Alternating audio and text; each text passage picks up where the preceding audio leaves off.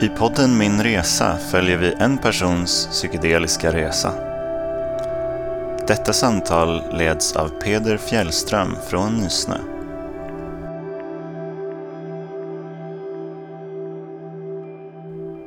Ja men eh, hej Leonidas och välkommen till eh, podden Min Ja. Resa. Tack så mycket! Välkommen till mitt kök. Ja, eller hur? Vi sitter här i södra Stockholm och eh, dricker en kopp kaffe. Väldigt Ja. trevligt i ditt vackra hem. Ja, jättemysigt. Hur, eh, hur, hur känns det idag med tanke på att du är med i en podd? Eh, jo, men det känns bra. Det känns roligt att börja podda lite grann om... Eh, ja, jag har en bok på gång. Eh, som, och det är dags om ett par veckor. Den är på tryck nu. Så, eh, så det är ju spännande att börja göra sådana grejer. Och jag är också journalist. Så att jag brukar ju sitta där du sitter. Eh, och ställa frågorna. Hur, eh, ja men du har ju eh, som sagt en bok på gång som kommer ut någon gång i maj. Ja, stämmer. 6 maj. Som jag tänker att vi, eh, vi såklart måste prata om. För det är ju intressant. För att den, den sitter både ihop med ämnet i stort och med din resa liksom, personligt. Ja, visst. Så hur, eh, kan du berätta lite kort om din relation till psykedelika i, i liksom allmänhet? Absolut. Ehm, det, det är så enkelt som, så att innan jag började med boken och jag började skriva om det här så hade jag inte, har jag inte haft några psykedeliska erfarenheter. Um, och jag vet inte vad det var som lockade mig då när det kom ett par böcker. Uh, det var ju dels den bok som de flesta refererar till, uh, Michael Pollans bok, Psychedelic Renaissance som den heter på svenska. Uh, och så kom det också en annan bok av, han heter Taolin och den heter Trip. Och ehm, det var mer en litterär dagbok ehm, om depression och alienation och självmedicinering. Så det var två ganska olika böcker. Pollans bok är, ju- handlar ju om den här nya medicinska eh, renässansen. Då. Eh, så att, och då, då insåg jag bara med de här två böckerna som kom ungefär samtidigt att okej, det här är ett ämne som har väldigt många bottnar. Eh, och att det terapeutiska bara är en del av allt som psykedelika kan vara och har varit historiskt. Sådär. Eh, så jag blev ju väldigt, eh, som kulturjournalist, väldigt nyfiken på det här. Eh, och jag försökte skriva en text om det och ja, det var väldigt svårt. Jag försökte få in allt i en text och det gick inte så bra. Jag, blev inte så nöjd efteråt. Jag kände att så här, det här måste berättas lite lugnare och varje berättelse måste få tid och plats. Så att det gjorde mig, det gjorde att jag liksom blev intresserad av ämnet. Just för att det hade alla de här filosofiska och kulturella och religiösa och andra aspekter. Och sen så ville jag också göra ett grundligt jobb när jag skrev artikeln. Så att jag eh, såg till att träffa en psykolog som eh, ja, guidade mig helt enkelt. Eh, han, eh, vi träffades först. Ehm, och han frågade lite grann om hur jag mådde just då. Hur mitt liv såg ut, vad jag gick igenom och sådana saker. Eh, och kanske då vad jag skulle kunna ha för intention eller tankar med den här resan då. Och så gav han mig också ganska tydliga instruktioner. Jag skulle eh, bulla upp med lite kuddar i soffan hemma, förbereda eh, liksom, ljudutrustning, jag skulle dämpa belysningen lite grann, det skulle finnas filtar, massa frukt. Eh, och han sa åt min fru också så här, skriva ut lite bilder som kunde vara intressant att titta på. Eh, vilket var väldigt bra tips tycker jag. Eh, och sen så kom han hem till mig klockan 11 och så, och så var det åkdags. Eh, jag hade också fått äta en lätt frukost och sådär. Så det, allting var väldigt eh, uppstyrt och tryggt och det var ju min första tripp. Så att det var ju väldigt bra att det fanns de här ramarna och att det var hemma och att det var ja, just den här mysiga stämningen och inte så här, inte vet jag, när man är mycket yngre kanske, jag är 40 nu, om man är på en fest till exempel, och det är en massa människor där och så här, utan det var en väldigt trygg och härlig miljö bara. Um, och det var, väldigt, det var också en väldigt uh, stark dos kan man säga, utan att gå in på detaljer. Så att jag, kom, jag kom verkligen långt, eh, långt in i den här resan. Då, eller jag lämnade, jag var ut i omlopp från jorden kan man säga. um, men det var, en, det var en väldigt spännande upplevelse. Det var ju ett eh, 10-12 timmar då, eh, som det hela pågick. Och under den tiden så iakttog den här personen bara och lät mig hållas.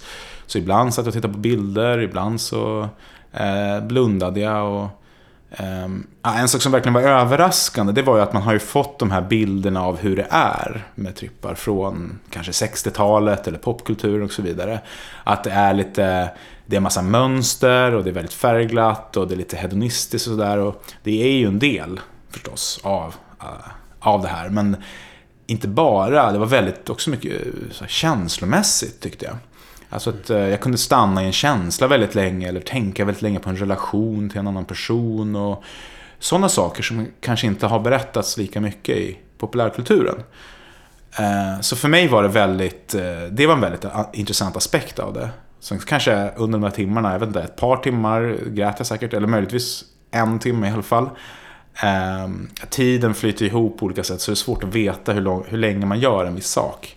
Men... Ehm, och sen så tittade jag väldigt mycket på de här bilderna. Tittade på bilder av min, det var min familj, det var också så religiösa bilder. Eh, bilder med mycket symbolik. Eh, vissa konstverk också som jag kunde titta på väldigt länge. Eh, det, var, det var också väldigt starkt. Och för mig har det sen dess varit en, eh, en väldigt viktig del egentligen av, eh, av sådana här resor. Att, att, eh, att det visuella finns med och att man liksom tillåts gå in i det på något sätt. Förstås även musik, men, men bilderna var väldigt bra. Då tittade jag bland annat på min, det var en bild jag tittade på min dotter. hon är sex nu, då var hon väl ja, tre, fyra någonting på den här bilden. Ehm, och hon står under ett äppelträd hon har på sig en Bamse-tröja. Väldigt gullig, så lockigt hår, tittar upp eh, i kameran så här. Och jag tittar på den här bilden och allting runt omkring hennes ansikte blir som rymden eller någonting. Det bara, jag bara åker in i hennes ansikte, bara wow! Och, så här, och liksom pågår så länge och jag bara tänker på hennes ansikte. och eh, hennes blick uppåt mot kameran och jag känner liksom också, det blir något mörkt stråk i det hela för att hon tittar upp i kameran. Jag känner så här, hon, hon tittar upp på mig för jag tar bilden då. hon tittar upp och kanske försöker så här, eh, duga, hon kanske ler för min skull. Hon kanske inte ler för sin egen skull, hon ler för att så här, vara, eh, eh göra mig till lags som kanske barn då ofta försöker göra. Liksom. Försöker, vad krävs av mig i den här situationen så försöker man göra det. Så. Eh, så den biten eh, tänkte jag väldigt mycket på.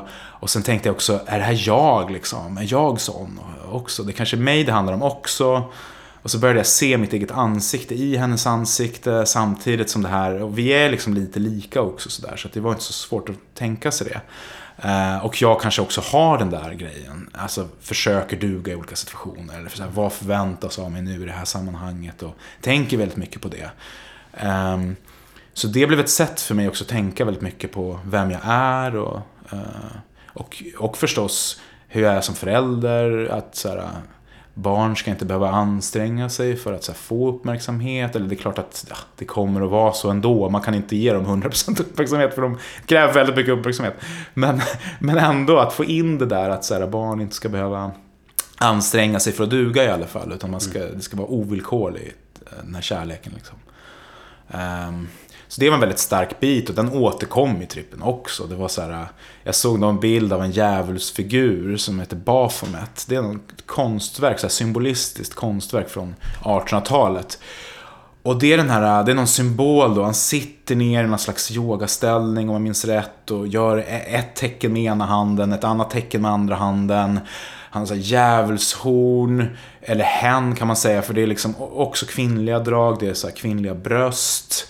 Eh, sen också en fallos. Så det är, liksom, det är så mycket som händer i den här bilden på en gång. Och det är månar och solar. Och, och jag, och jag känner så här, gud vad den här, gud vad den här satansfiguren eller vad det nu är anstränger sig också. För att så här, oh vad läskig jag är. Kolla här, vad, vad mycket jag kan göra. Och jag kände bara så här, omsorg om den här figuren. Så här, men du ska inte behöva anstränga dig så mycket. Så jag återkom liksom flera gånger just det där temat. Det blev nästan som, en, mm. som ett tema för själva resan då. Ja. Mycket sånt. Och en annan, en annan bit av det var också så här. Jag och några, det var något konstig så här urscen då som jag vet inte var den kom ifrån. Men det var så här, jag och några kompisar på, eller framförallt en kompis på en campingplats. Med, alltså det var så väldigt sepia-tonad och lite blått. Och eh, satt vi i varsin sån här stol och bara skrek. Och det blåste väldigt mycket. Och Så skrek vi så här. När fan är det vår tur? Jag har ingen aning vad det betyder, men någon slags underdog-känsla eller någon slags, eh, ja jag vet inte. Eh, känsla av att ha blivit berövad något kanske, jag vet inte. Men den känslan fanns tydligen där någonstans. Ehm, och kanske någon ömhet till den här kompisen då? Jag vet inte. Jag har tänkt lite på det efteråt. Det är svårt att analysera de här bilderna. Men man får ju väldigt många sådana bilder som man sen försöker göra någonting av och vrida och vända på och förstå och så. Just den här, äh, det du beskriver med den här meningen som man tillskriver. Eh, det kan vara just precis att ditt barn tittar upp i bilden på, på dig som tar bilden. Att det liksom blir en öppning till en massa saker i huvudet. Så det är väldigt återkommande. I, i, det är många som beskriver det i, i den här typen av resor. Att den minsta lilla öppning man får tillskriver man enormt värde och det får liksom en hel storyline i sig. Ja men precis, mm. verkligen. Eh, och jag hade tid att eh, dröja i den väldigt länge. Och det är klart att jag hade kunnat ha en... Det fanns ju mörka delar av den här resan också. Som hade kunnat slå fel kanske. Eh, jag vet inte, vid något tillfälle så började väggarna... De blev liksom till som plockade hönor, eller huden, du vet den här noppriga huden. Och, och liksom blev väldigt blå också. Det var nästan som att det var ett frysrum med bara omringad av sån hud liksom, som bara trängde sig mot mig. Och det pågick ett tag. Det var ju liksom, jag vet inte vad jag skulle göra av det riktigt så här. Men, men det, allt, allt det där la sig ändå till slut. Och, ja. ha, är man i en trygg miljö kan man ju landa rätt i alla fall. Mm. Även om man går igenom något som eh, ja, som inte har några sådana där försonande drag riktigt. Som enbart är ja, en mörk del av resan. Liksom. Men det där fortsatte också sen. Så jag, jag vet inte, allting lugnade sig lite grann. Den här psykologen gick hem. Ehm, min fru kom hem och liksom fick ta över eh, vårdnaden. Och eh, jag, ja, vi skulle gå ner till torget i Hammarbyhöjden då, bodde jag då. Skulle vi gå ner till torget där och köpa pizza på någon av de här pizzerierna. Och eh, det regnade väldigt mycket. Det här var, det var en juni och det, jag har förstått att det kanske gör det ofta i juni, men det liksom åskade också. Och, och var väldigt, nästan stormigt. Så jag tyckte det var en väldigt speciell dag, eller åtminstone Eh, som du säger, en sån, en sån här dag, i en sån resa, då blir det väldigt eh, mycket. Då börjar man analysera det och tänka varför är det så just den här dagen? Och så börjar man ja, spåra, spåra ur lite på det. Och, och, jag kunde inte gå in på pizzerian för jag kunde inte föra mig bland folk fortfarande. Jag var ju liksom ännu, ännu lite grann i trippen då. Så att min fru gick in och väntade på pizzan och jag stod på det här torget. Och regnade och så har vi den här statyn på det torget. Eh, som föreställer Finn Malmgren. Som är en svensk äventyrare. Som åkte till Nordpolen. Eh, för, ja, det var en resa som var bekostad av det fascistiska Italien. Men det var ett sånt här luftskepp som de skulle köra. Eh, och det hade redan skett en gång, men de skulle åka dit igen till Nordpolen. Och då har de en bas i Svalbard. Eh, och det är bara han och 16 italienare och så någon till som jag vet inte om han är från Ungern eller Tjeckien eller sånt där. Men liksom, han var enda svensk på den här resan och de flesta var italienare. Och på väg tillbaka från Nordpolen så kraschar det här. Och han känner väl skuld på något sätt, sägs det. Så att han tar med sig två officerare eh, på en liten upptäcktsfärd för att så här, eh, ja, se om de kan hitta hjälp. Och då förfry, han dör ju på den här resan. Eh, och det, det, det, här föreställer, det här verket föreställer dödsögonblicket med de här två italienare som är böjda över honom. Och han ligger och dör. Och jag är ju inne i min, mitt rus här och ser liksom regnet som åker ner för hans ansikte blir till tårar och jag ser honom gråta där döende liksom på en främmande, främmande isvidd långt hemifrån. Uh, och så har vi de här två italienarna bredvid. Och de, jag börjar liksom plötsligt höra en sån här trumrytm. Det börjar så här... Och sen så, liksom det är åskan och allting som bara bildar den här musiken, den här rytmen. Och de börjar så dansa med varandra och typ så här flörta med varandra. Mitt över, han bara, men jag dör ju här, vad håller ni på med? Eh, och de ignorerar honom helt och ba, de har bara ögon för varandra i, i min då resa här. Eh, och då återkommer igen den här, så här men vad, vad, vad, mycket han anstränger sig, Finn Malmgren, för att så här, duga. Och så slutar det med att han ligger liksom och dör bara eh, i någon isgrav någonstans. Eh, med två människor som är främlingar och som inte ens bryr sig om honom. Bara så här, börjar ragga på varandra mitt under liksom, hans dödsögonblick. Så där återkom det här temat igen, eh, helt enkelt. Och, och så upplever jag att det kan vara. Att man liksom ja, att det blir ett tema för en resa kanske. Där man bara säger, men det här hade jag nu att tänka på. Det var en sak som jag hade bearbetat ett tag. Eh, och nu behövde göra någonting av det. Och sen kan man ju fråga sig, lärde jag mig, liksom, behövde jag trippen för att förstå det här om mig själv? Eller tänka kring de här sakerna? Och det vet jag liksom inte. Mm. Eh, kanske hade jag, för, för jag, jag har tänkt på sådana här saker i flera år då, hade jag redan innan. Och på hur man ska vara en förälder och allt det här. Liksom. Jag kanske fick några bra bilder att använda för att förklara det på ett tydligt sätt, både för mig själv och för andra. Eh, men mycket av arbetet hade jag ju, tror jag i alla fall, redan gjort. Så att kanske, är, kanske var det här, den här resan, eh, någon slags sån här målskytt i fotboll som är liksom längst fram. och väntar vid offside-linjen och så har man ett uppspel då i flera år. Och sen så petar den in bollen, jag vet inte. Men, ehm, men hur som helst, så jag vet inte vad, vilken betydelse det hade. Men det, var en, eh, det här var ju min första resa och den var ju, eh, skulle jag säga, ändå väldigt stark och minnesvärd. Det kan jag ju inte förneka. Jag är också nyfiken på eh, hur hur det kom sig att du blev intresserad av fältet och av att göra en sån här resa själv. Du berättar om Michael Pollans bok till exempel. Men eh, jag tänker ändå att det finns en, det måste finnas en grund, eh, nyfikenhet och en öppenhet inför en sån här sak. Och, och vad det i din liksom, tidigare resa i livet kan, mm. kan ha gjort dig öppen för det. Det finns nog sådana saker man skulle kunna peka på. Och sen ja, kan inte jag avgöra om det stämmer. Det är, det är ju mycket riktigt så att eh, en viss sorts person kommer väl vara mer benägen att eh, eh närma sig det här. Om man hör, eh, om man hör Michael Pollan eller någon av dem som ni har pratat med eh, i podden här. Eh, om man hör en sån berättelse och sen eh, tänker man, hm, det där låter, det intressant. Det är klart att det finns, det fanns väl något i mig som är som var öppet för det och som väl kände att ja, men, det är väl kul med ett äventyr. Eller det är kul att utforska det här och se vad det är. Eh, varför inte? Eh, men så kanske, ja, om man var en fas i livet eller inte kan ju vara så. Jag menar, jag hade skilt mig eh, för inte allt för länge sedan. Eh, det var inte direkt då, men liksom eh, då uppstår ju på något vis kaos eller ett... Eh, det var liksom också i samband med att jag hade slutat på, alltså börjat med nya jobb och sånt där. Jag har liksom varit journalist, eh, hade då varit journalist kanske ett par, tre, fyra år eller något sånt där. Jag hade inte varit det hela livet liksom.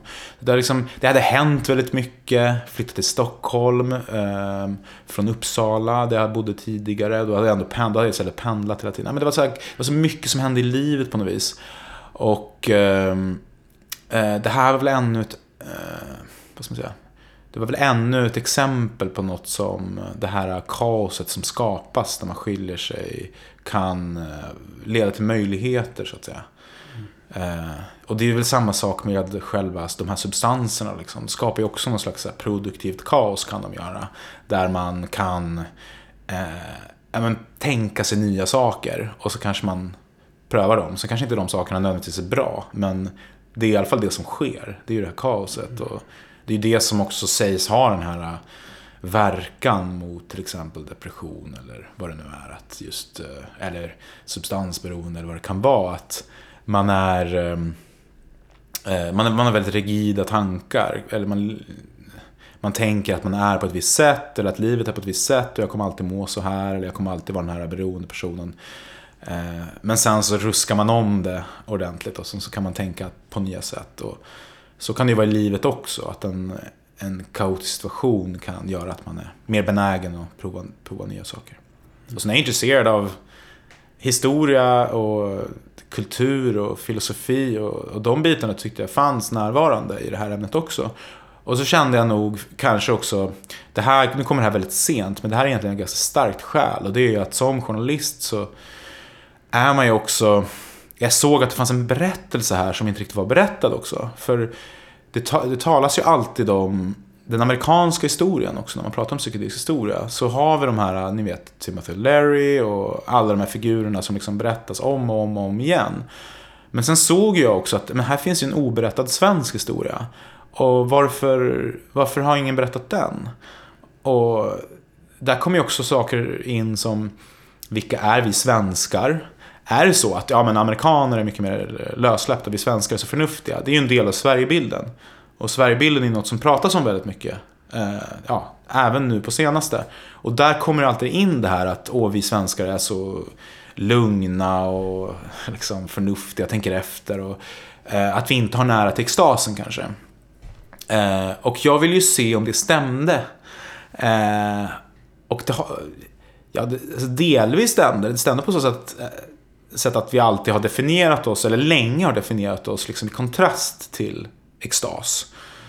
Eh, och det går tillbaka till Koffe och liksom eh, moderna svenska statens framväxt och liksom när kyrkan blir statsreligion. Då, då spelar det här en väldigt stor roll. Det här med att eh, förkasta det extatiska.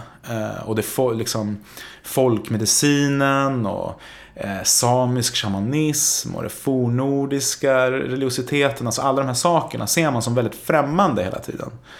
Eh, så det blir ju ett sätt att skapa då någon tanke om svenskhet eh, redan, redan därifrån. Som sen har återkommit i historien. Som återkommer på 60-talet när man diskuterar eh, politik och sånt, vilket vi inte ska göra nu. Men eh, den där, den där bilden återkommer till. Och det intresserade mig också någonting väldigt mycket. Just det här, finns det inte en annan historia i Sverige? En historia om hur vi också har närmat oss extas. Och det fanns väldigt mycket sånt som jag hittade helt enkelt. Mm.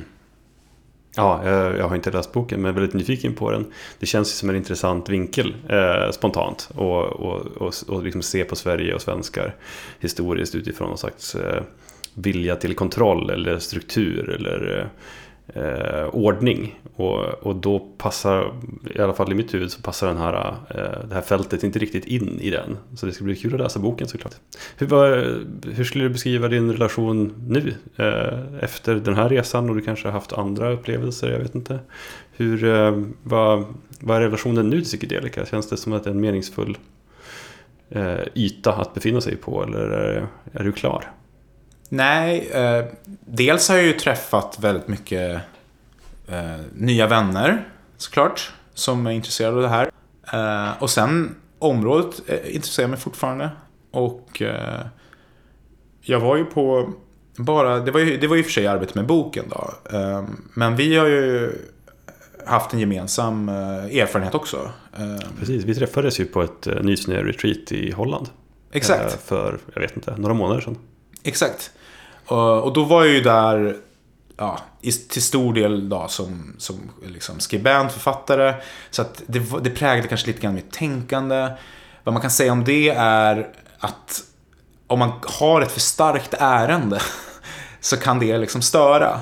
Eller det var ju bra, det blev ju bra för bokens skull, men det, det ja, tripparna blir ju någonting annat då. Eh, när man liksom, ja men jag måste iaktta lite grann och jag måste liksom hämta in rummet och ha ett utifrån perspektiv på det och sådär. Har man ett för starkt ärende så kan det också bli tråkigt eller gå fel. Och, jag vet inte, jag, jag vill också någonstans slå, slå ett slag för det här ärendelösa. Liksom, att man inte har för starka förväntningar på vad det som ska komma ur det. För det, man kan liksom, man kan förstöra det då, man kan sabba det så. Nu var inte det en sabbad eh, resa alls, utan det var väldigt, väldigt trevligt. Eh, det var ju ett par hus i, i eh, Holland, på landsbygden där, trekantsformade.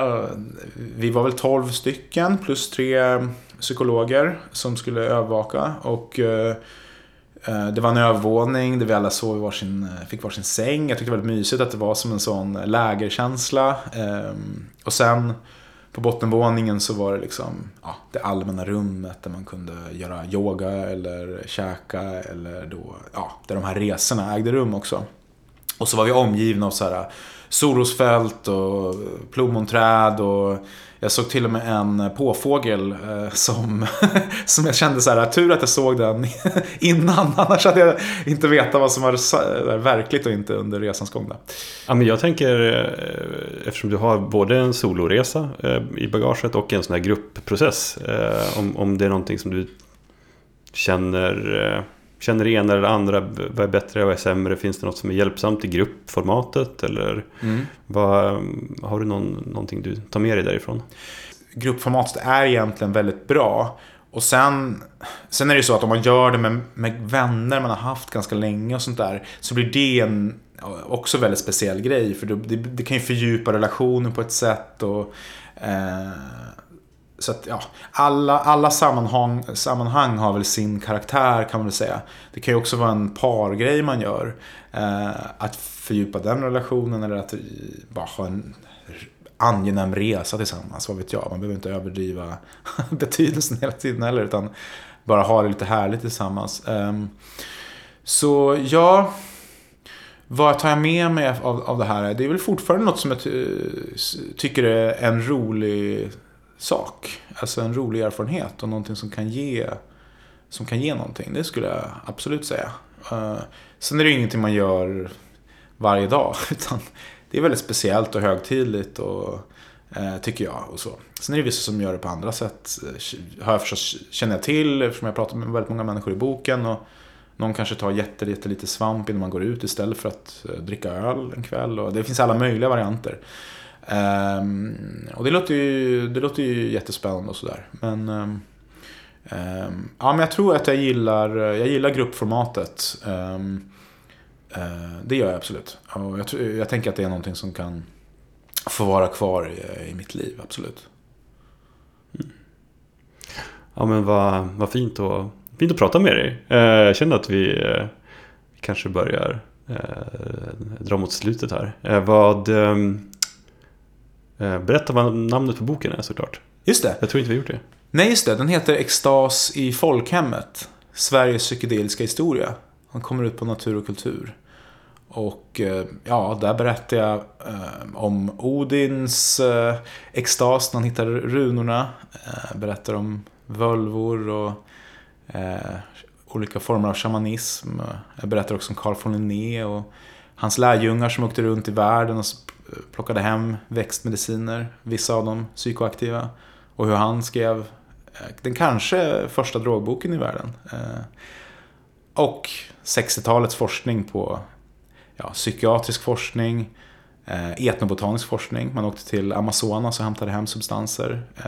Och prövade dem på sig själv först för att se vilka som var relevanta. Så tog man hem dem till labbet.